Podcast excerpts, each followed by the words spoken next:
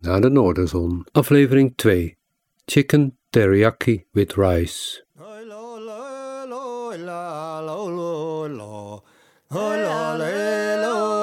Vanochtend zijn we begonnen aan onze Padjelanta trektocht. De hele dag weer en wind, zon en regen, steeds meer regen. Welkom in de Gisudishut, zegt de Sami huttenwaard. Kleren kun je drogen in de torkroom. En morgenochtend bak ik brood. In je huttenkleren lig je onderin een stapelbed, je pijnlijke rug rechtend. Buiten ruist regen, in dit slaapkamertje zoemt de kachel. Slippers schuiven over de gang. Vanuit de keuken klinkt pannetjesgekletter en vrolijk gepraat. Achter het houten wandje naast je draait iemand zich om en buiten ruist nog steeds de regen.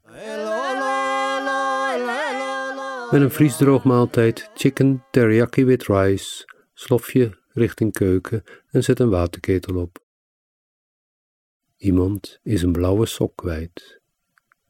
Morgen lopen we verder, maar de regen klettert. Overmorgen is ook goed.